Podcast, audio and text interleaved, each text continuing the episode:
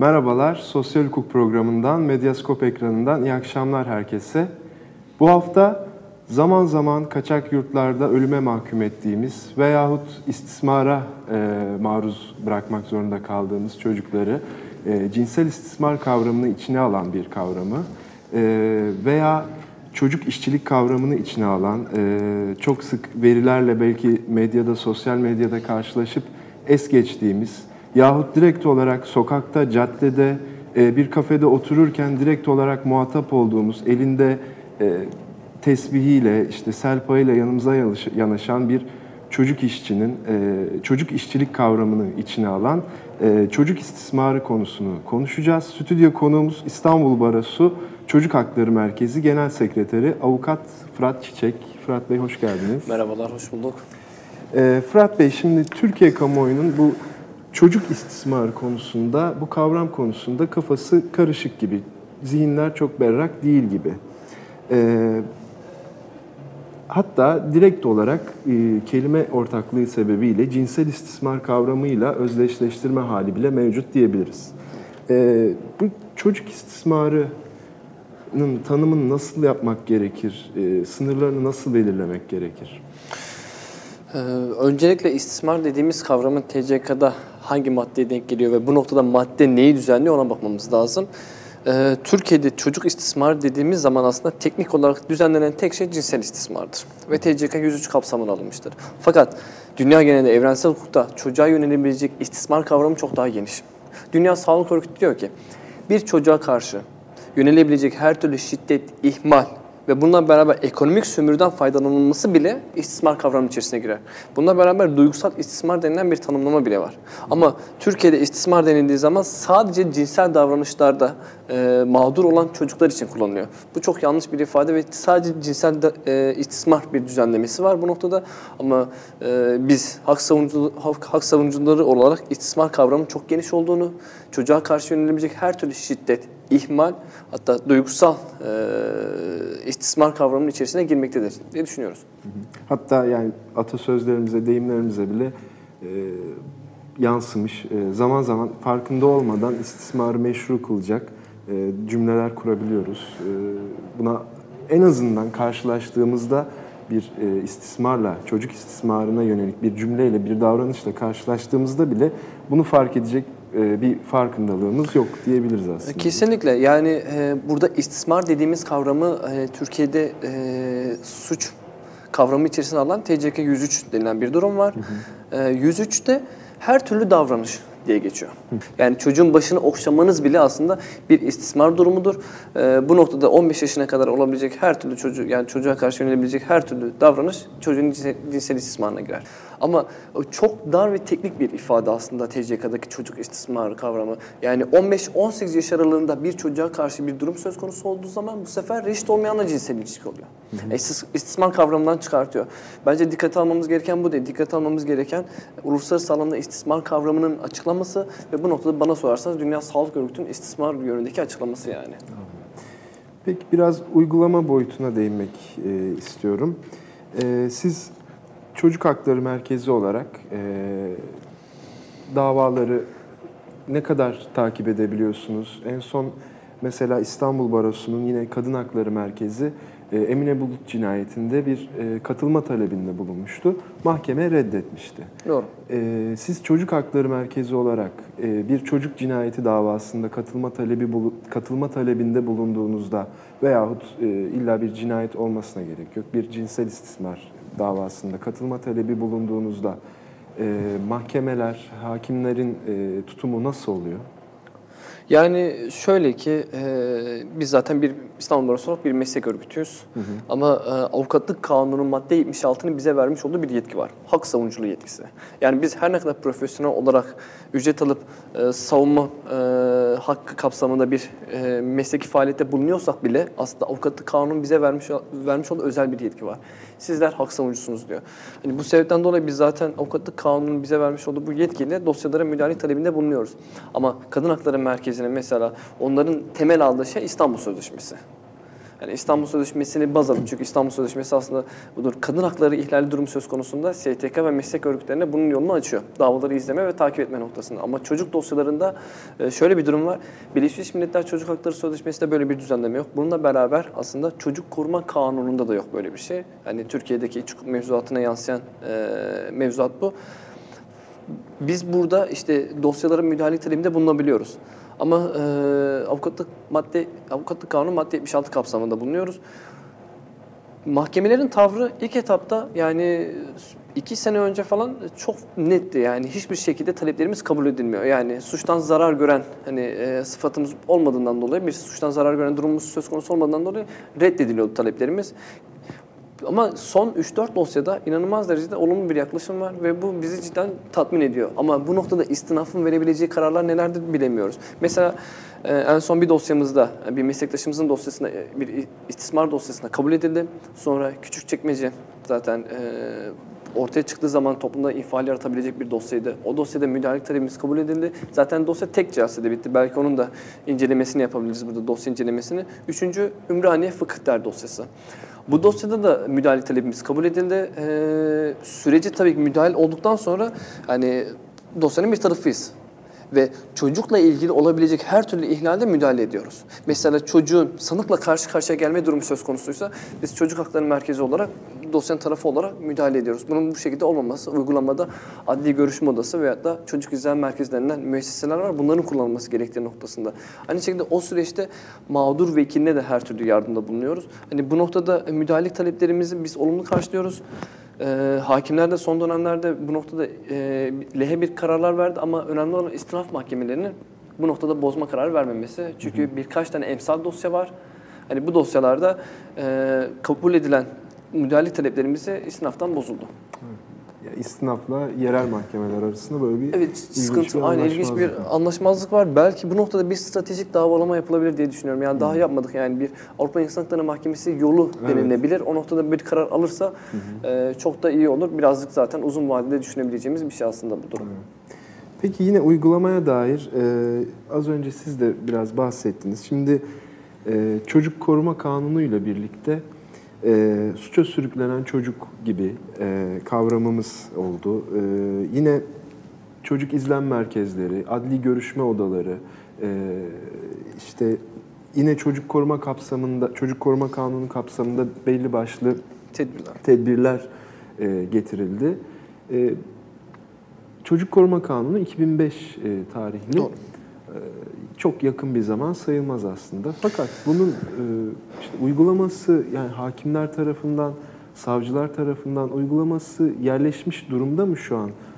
Adli görüşme odaları olsun, e, yine işte çocuk izlem merkezleri başvuruluyor mu? Uygulaması nasıl? Hiçbir şekilde yerleşmiş durumda değil yani. 2005 yılından gelen bir kanun maddesi ve 2012'de bir genelge yayınlandı. Adalet Bakanlığı Çocuk İzlem Merkezi'ne ilişkin özellikle evet. istismar dosyalarında şunu söylüyor. Bir çocuk istismar ve TCK 103 ve 104 kapsamında mağdur olduğu zaman bu çocuğun ifadesi yani beyanını uzmanlar eşliğinde almalısınız diyor çocuk izlem merkezinde. Herhangi bir e, yasal zemini yok ama e, bu noktada biraz savcılar üzerine bir baskı oluşturuldu. Şimdi 2005 yılında getirilen bir kanun ve bu kanun içerisindeki bulunan tedbirlerin, yolların ve müesseselerin hiçbiri kullanılmıyor. Yani çok aktif bir şekilde, çok etkili bir şekilde kullanılmıyor.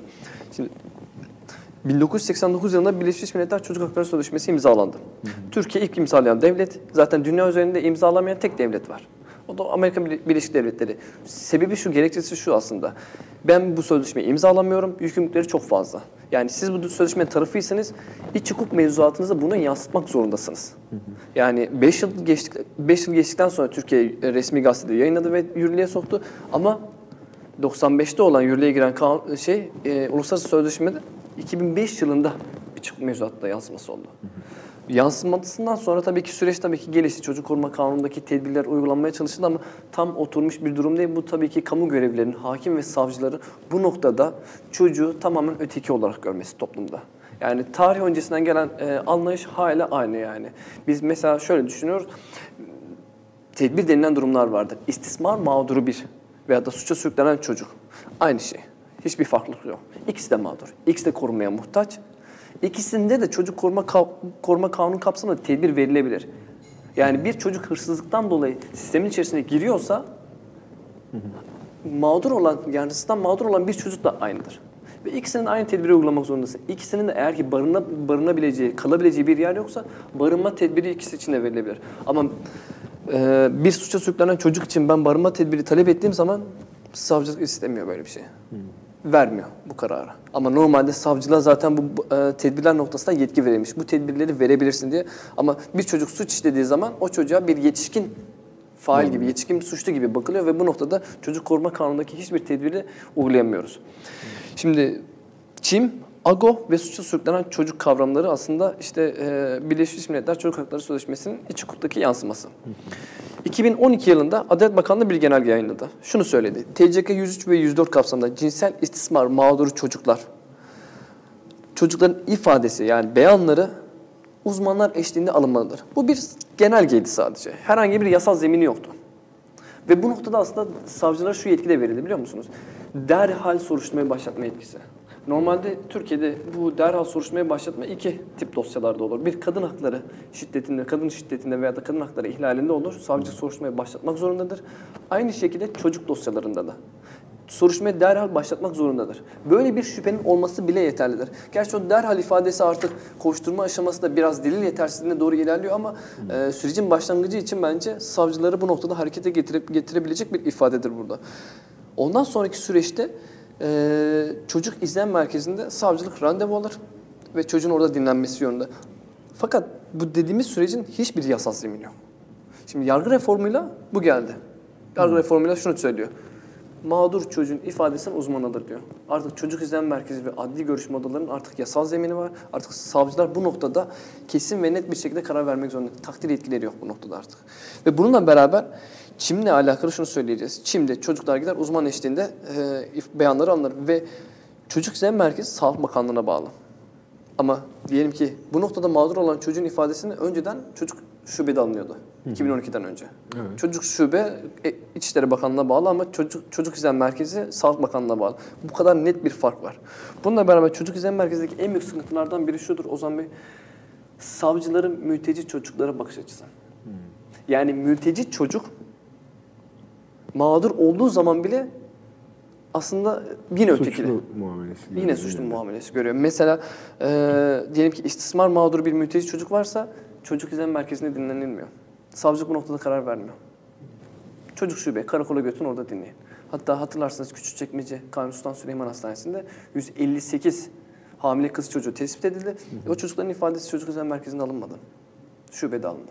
Şubede direkt. Bu kadar kötü bir uygulaması var. Yani çocuğa bakış açısı, hatta çocuk dediğimiz e, bireyin mülteci olması ve azınlık olması bile e, uygulayıcılar yani kamu görevlileri açısından zaten onu öteki. Yani mağdurken bile öteki oluyor öyle diyeyim ben size.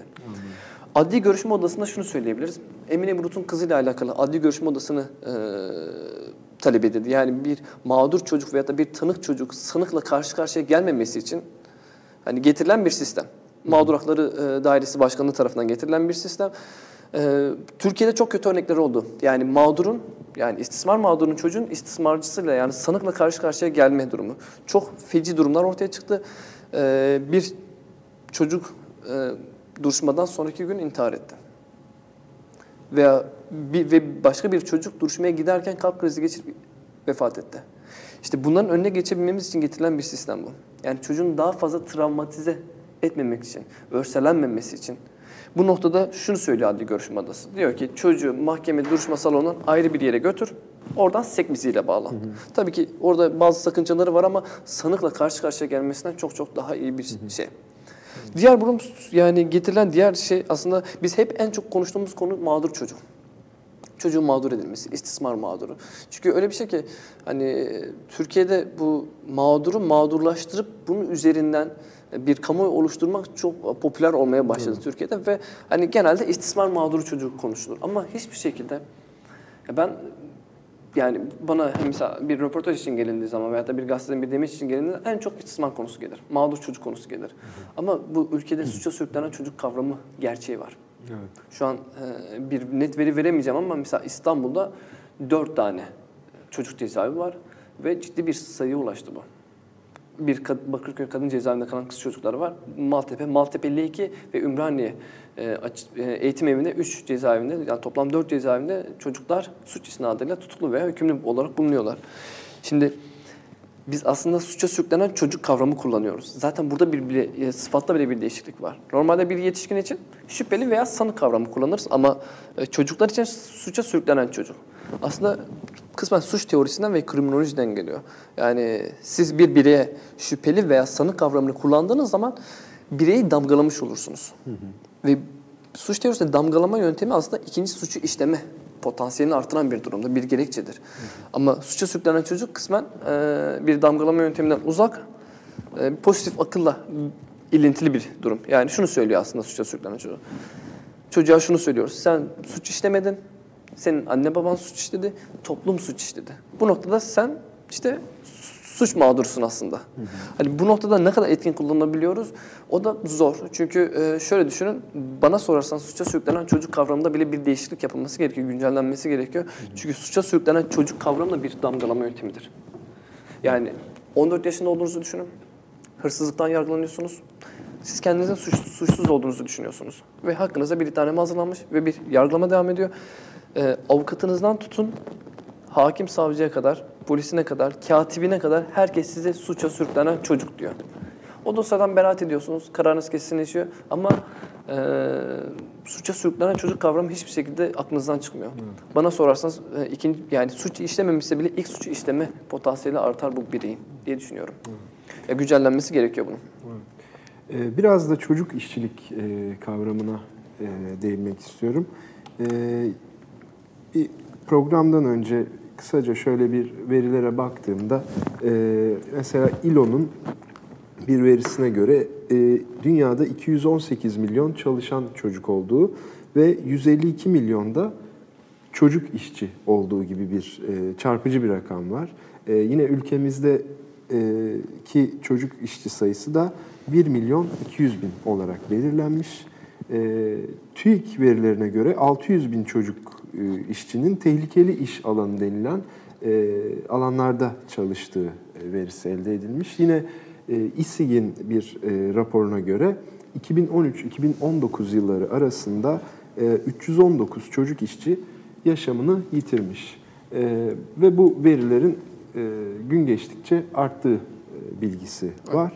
E, artan bir çocuk işçilik e, durumu var. Çocuk işçiliği önlemek mümkün müdür? E, de, yani elbette mümkündür fakat yöntemi nasıl olmalıdır sizce? Yani mümkündür. Ee, şöyle ki yani bugün bir esnaf veyahut da bir işveren çocuk işçi çalıştırdığı zaman ki bunun karşılığında nasıl bir ceza var? Yani cezanın miktarı bile önemli yani. Bu ceza Türkiye'de caydırıcı bir nitekte değil hiçbir şekilde. Belki bu cezayı arttırmaya yönelik caydırıcı bir e, ceza getirilebilir. Hani çocuk işçiliğini engellemekle alakalı.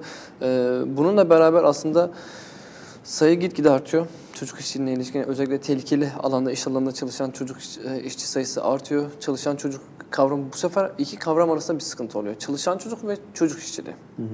Yani Türkiye'de mesela biz çocuk kavramını şu şekilde açıklıyoruz. Yani 18 yaşın altındaki her bireyle alakalı. Ama Türkiye'de bu e, çalışan çocuklarla ilgili ciddi bir e, açık var orada. 15-18 yaş aralığıyla alakalı. Çıraklık dönemi veyahut da başka bir şey. Bence öncelikle bunun düzeltilmesi gerekiyor. Bu noktada çok keskin ve net olmamız gerekiyor. Bir şeyleri çözeceksek.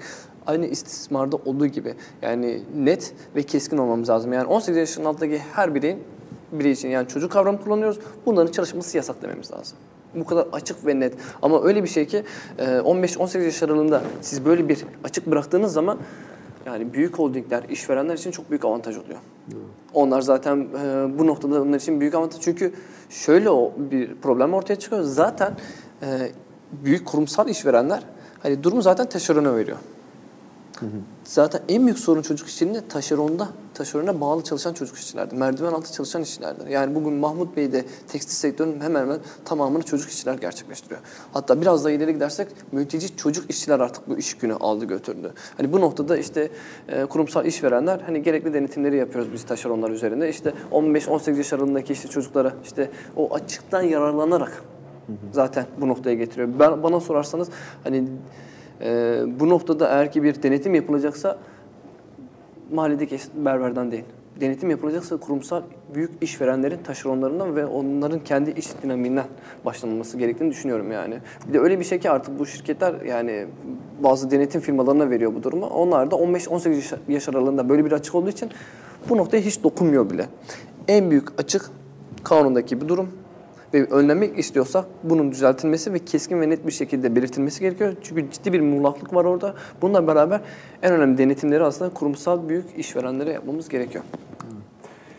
Peki e, biraz aslında değindiniz kısmen ama e, cinsel istismar başlığına da biraz girmek istiyorum. Siz e, İstanbul Barosu'nun CMK seminerlerinde eğitmensiniz aynı zamanda. Yani İstanbul Barosu'nun yaptığı atamalara avukatları hazırlayan eğitmenlerden bir tanesisiniz. Cinsel ve derslerinizde de ağırlıklı olarak çocuk hakları üzerinde duruyorsunuz. Cinsel istismar davalarında hem mahkeme tarafı hem avukat tarafı, yargılama, nasıl bir yargılama işliyor?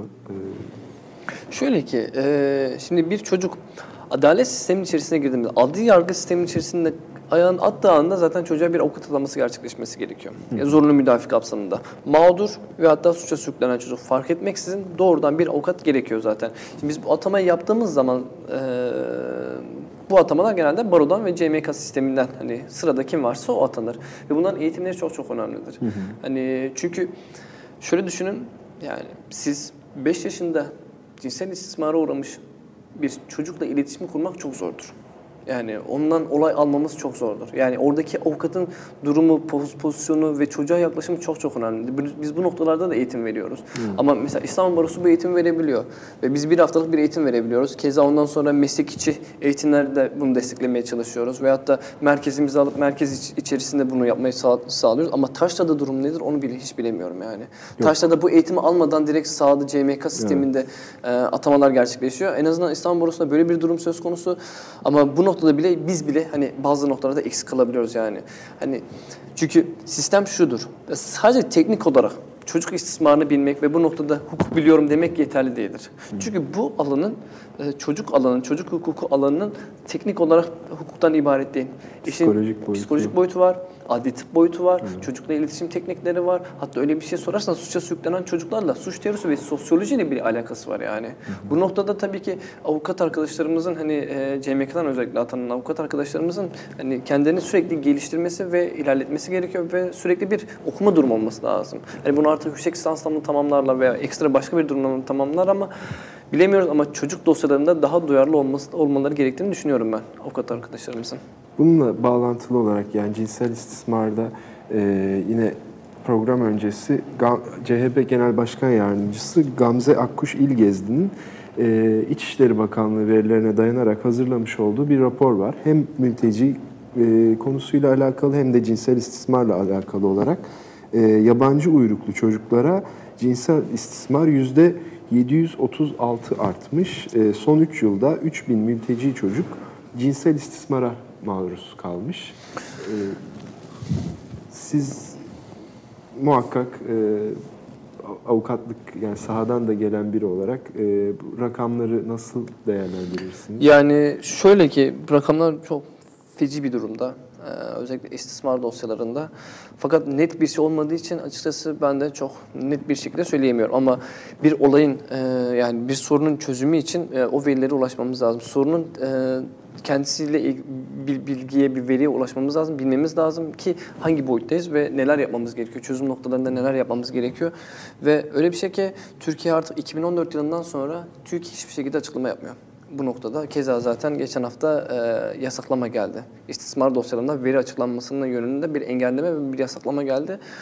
Bu yani şeyi geçtim artık yani veri açıklamıyorsunuz ve bu noktada bir e, yasaklama getiriyorsun. Bu şu anlama gelir. Biz bu işi çözemeyeceğiz. Bu noktada. Yani çünkü veri açıklamak demek devlet nezdinde devlete bir yükümlülük getirmek demektir. Yani böyle bir verinin ortaya çıkması ve o sayının fazla olması aslında devletin artık adım atması gerektiği noktasında. Bu adım atama, atamayacağı için o veriyi açıklamıyor. Bu açıklanan verinin de hani şöyle İçişleri Bakanlığı'nın böyle bir veri açıklayabileceğini düşünmüyorum. Hani rapor hangi, e, nereden kaynaklanarak yapılmış bilemiyorum. E, ama şunu söyleyebilirim.